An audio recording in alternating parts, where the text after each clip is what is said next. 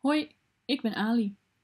Na de persconferentie van 21 april constateerde ik dat mijn single-soortgenoot Mark Rutte het wel erg veel over het gezin heeft en bijzonder weinig over alleenwonende jonge mensen. Dat zat me niet helemaal lekker en dus klom ik in mijn pen.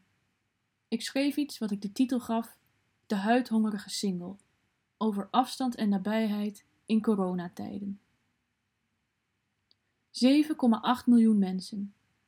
Zoveel Nederlanders hingen dinsdagavond 21 april aan de lippen van Mark Rutte. We zagen zijn worsteling, we hoorden zijn zucht, voelden die misschien wel tot in onze tenen.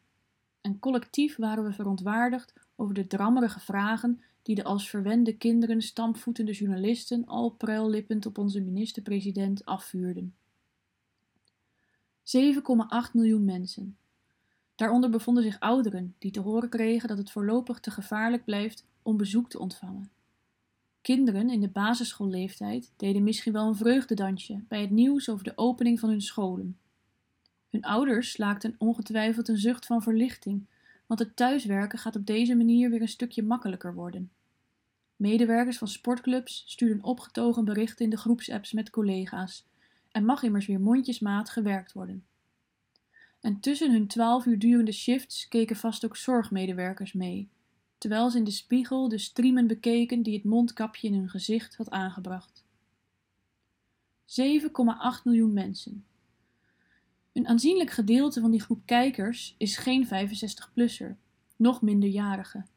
Deze kijkers hoeven ook geen thuisonderwijs te geven, aangezien er geen koters rondlopen in hun huishouden, een term die op zichzelf al vrij verwarrend is voor hen. Sommige van hen zaten dinsdagavond met hun huisgenoten voor de buis of voor een laptop. Anderen hadden zich, mogelijk met een huisdier en pannenkoekenplant als enige levende organismen in hun directe omgeving, solo voor een scherm gestationeerd. Ik heb het over de single. De single, vooral een gezond exemplaar, heeft het op het eerste gezicht relatief makkelijk in vergelijking tot een bejaarde of ouder. De single behoort niet tot de risicogroep en hoeft evenmin te jong leren tussen de spellingregels uit groep 6 memoreren, de puber motiveren voor aardrijkskunde en zorgen dat de peuter niet binnenkomt tijdens een Zoom-meeting met collega's. Maar er is een andere bijwerking van deze quarantaine, waar misschien juist de single wel extra vatbaar voor is. Gebaseerd op eigen ervaringen en gesprekken met soortgenoten, merk ik dat met name onder singles de huidhonger aanwakkert. Met huidhonger wordt de behoefte aan lichamelijk contact bedoeld. De term bestond al even, maar het is niet vreemd dat hij sinds het in leven roepen van de anderhalve meter samenleving steeds vaker opduikt. Tango tangor ergo sum, oftewel ik raak aan, word aangeraakt, dus ik ben. Dat is de variant op Descartes' klassieke cogito ergo sum die de Duitse filosoof Wilhelm Schmid heeft gemunt. Aanraking is volgens hem een primaire levensbehoefte en hij is niet de enige die daarvan overtuigd is.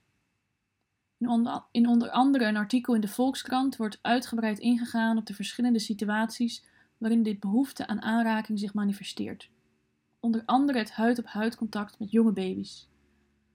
Wanneer we lichamelijk contact hebben met iemand, wordt de aanmaak van oxytocine gestimuleerd, terwijl de productie van het stresshormoon cortisol wordt verlaagd. Kortom, aanrakingen zijn niet alleen gezond, maar zelfs cruciaal. Nooit ben ik de aangewezen persoon geweest om met een kartonnen bord met daarop free hugs op de neude te gaan staan. Ik kan vrij ongemakkelijk worden van mensen met meer aandrang tot lichamelijk contact dan ik zelf. Je kent ze wel, de enthousiastelingen die nadat je elkaar twee minuten kent al de neiging hebben om hun hand op je arm te leggen, of, erger nog, je bij een eerste ontmoeting al een intense knuffel geven. Ik ben niet zo iemand. Maar nu deze quarantaineduur richting de twee maanden gaat en de fysieke afstand tussen mij en mijn dierbaren voortduurt, ontdek ik dat de huidhonger, waar ik her en der over lees, behoorlijk resoneert bij mij. Ik wil geen jankert zijn. Mijn gezondheid laat niets te wensen over. Ik heb de smaak van het thuiswerken aardig te pakken. Ik maak honderden kilometers op mijn racefiets. Geniet van de zon en het scala aan digitale platforms dat beschikbaar is om met elkaar in contact te blijven, beschouw ik als een zegen. Bovendien lees ik voor mijn werk, een onderzoek naar vroegmoderne stadskronieken, met enige regelmaat fragmenten over de pest die voor de zoveelste keer in de stad woedde en grote delen van de bevolking aan gene zijde bracht. Dat plaatst een hoop in perspectief. En toch, ik kan me niet herinneren wanneer ik voor het laatst iemand heb aangeraakt. Ook met mijn huisgenoten, met wie ik voor coronabegrippen een gezin vorm, wissel ik amper fysiek contact uit. Met een aantal vrienden, dat op één hand te tellen is, ga ik af en toe een blokje om of installeer ik me op veilige en daarmee ongezellige afstand in een park. Het hulpeloze zwaaitje waarmee we onze ontmoeting aanvangen en afsluiten, begint me steeds meer tegen te staan. Een paar weken geleden maakte ik nog grappen met vriendinnen over Prediker 3, dat er een tijd is om te omhelzen en een tijd om af te weren. Maar inmiddels biedt dat me ook weinig relativering meer. Tijdens persconferenties en in richtlijnen van het RIVM is er volop aandacht voor de kwetsbare ouderen en, uiteraard, het gezin, de vermeende hoeksteen van de samenleving. Zij krijgen precies te horen wat wel en niet mag. Geen bezoek, wel buiten spelen, allemaal thuis blijven als iemand klachten vertoont, buitenshuis altijd anderhalve meter aanhouden, etc. De ons opgelegde leefregels zijn allemaal geëikt op het concept van een huishouden. In een gemiddeld Nederlands gezin zijn er dan dus één liefdespartner en 1,7 geliefde kinderen om knuffels aan uit te delen en schouderklopjes of high fives te geven. Een gemiddelde dat op de Bijbelbelt nog wel een stukje hoger zal liggen. De mensen die mij als single het meest dierbaar zijn, zijn echter niet degene met wie ik een huishouden deel. Dat zijn namelijk mijn vrienden, met wie ik normaliter in de stad of bij iemand thuis afspreek, of met wie ik wel een wandeling maak of in een park neerstrijk, maar dan niet met de beruchte anderhalve meter tussen ons in. Dat zijn mijn ouders, voor wie ik anderhalf uur met de trein moet reizen. Iets waar ik tot nu toe steeds van afzie, zodra ik de NS heb open en daar de melding zie: reis alleen als het echt moet. Want ja, het moet niet echt, maar het zou inmiddels best leuk zijn. Ik weet niet goed wat ik van mijn single soortgenoot Mark Rutte wil. Ik weet ook wel dat hij geen pasklare regels kan opstellen hoeveel mensen ik een knuffel mag geven, op hoeveel armen ik mijn hand mag leggen en naast wie ik op een bank mag hangen, zonder dat we elk tegen een armleuning aangeperst zitten. Misschien bedoel ik meer dit, wat ik van de week iemand op Twitter zag verzuchten. Dat bij de zorgmedewerkers voortdurend het ziekenhuispersoneel en de werknemers in de ouderenzorg worden genoemd, maar dat zij, werkzaam in de gehandicaptenzorg, er ook was. En in een gehandicaptenzorginstelling loopt men niet per definitie minder op het tandvlees dan in een ouderenzorginstelling. Er lijken dus wat blinde vlekken te zitten in de manier waarop onze regeringsleiders communiceren. En misschien wil ik niet zozeer tegen Mark Rutte zeggen dat wij bestaan en onze sores hebben, maar vooral ook tegen andere soortgenoten, die ik niet ken en naar wiens persconferenties ik niet kijk. Tegelijkertijd zijn wij mensen veerkrachtige wezens. We kunnen tegen een stootje. Ook zonder single zendtijd ga ik deze quarantaine doorkomen en uitkomen. Ik leer mezelf gitaar spelen, lees meer boeken dan ooit en ik schrijf eens in een ander genre dan een academisch artikel. Iets waarin ik niet de enige ben. Om me heen zijn vrienden begonnen met het schrijven van liedjes, blogs, essays en sprookjes. Blijkbaar leveren deze fysieke afstand en gebrek aan lichamelijk contact een andersoortige nabijheid op. We keren naar binnen, kunnen niet anders dan het gesprek met ons innerlijk voeren, we treden nader tot onszelf. Daarover schreef ook dichteres Lieke Marsman enkele weken geleden al in de Volkskrant. In het stuk getiteld Gedeelde eenzaamheid is geen eenzaamheid, voorspelt ze alvast hoe we in deze tijd van fysieke afstand, nadat we hebben geprobeerd ons te vermaken met nieuwe hobby's zoals knutselen, skileren en mandala kleuren, uiteindelijk terecht zullen komen bij de existentiële vragen die op de bodem van onze ziel sluimeren en tijdens een crisis onvermijdelijk boven komen drijven. Wat is de zin van dit alles? En dat is helemaal geen verkeerde ontwikkeling. Probeer te genieten van het hebben van deze vragen, adviseert Marsman. Want ooit, als deze pandemie voorbij is, ga je het eindeloze ijsberen door de kamer missen. Marsman beschrijft hoe in een tijd van crisis de hang naar religie kan aanwakkeren. Sommige mensen gaan voor een antwoord op zulke vragen te raden bij God, zegt ze. Het zou me niet verbazen als u ergens de komende maanden religieuze gevoelens ontwikkelt. Dit kan schrikken zijn, maar het is heel normaal. Het is een beweging die ze zelf maar al te goed herkent. Als kankerpatiënt heeft ze op haar duisterste momenten een spirituele kant van haarzelf ontdekt waarvan ze niet wist dat ze hem in haar had. Na wederom een slechte scanuitslag kan ik zomaar middernachtelijk liggen bidden en smeken of God me misschien een teken van leven kan geven.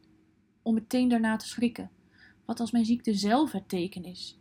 Of wat als God al lang een teken gegeven heeft, maar ik het teken niet heb herkend?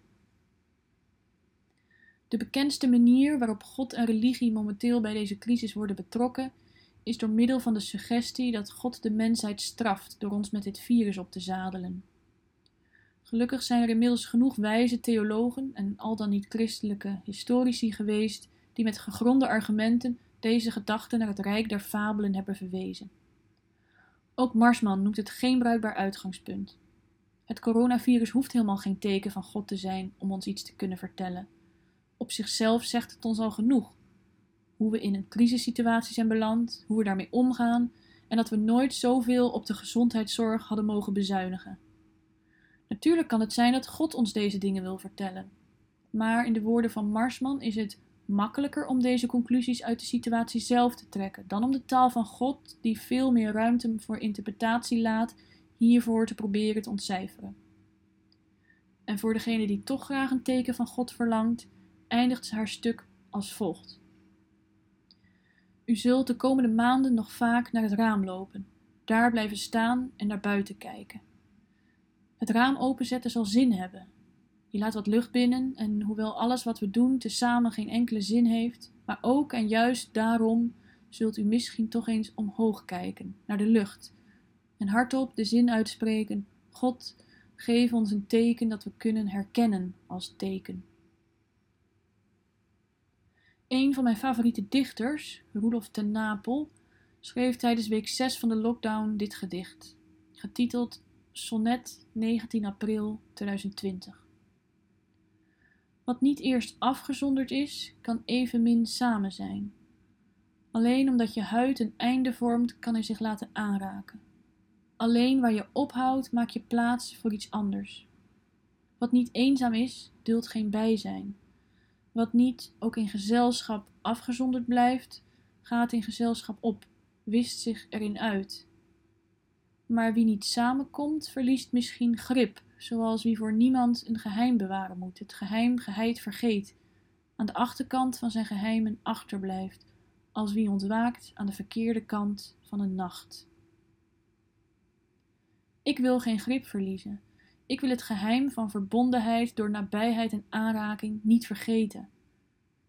Dus morgenochtend, als mijn single huishouden ontwaakt aan de goede kant van de nacht, ik mijn gordijnen en ramen open, de regenruik die die nacht is gevallen en opnieuw constateer dat mijn plantenverzameling welig blijft tieren in de vensterbank, ga ik misschien wel hardop deze zin uitspreken.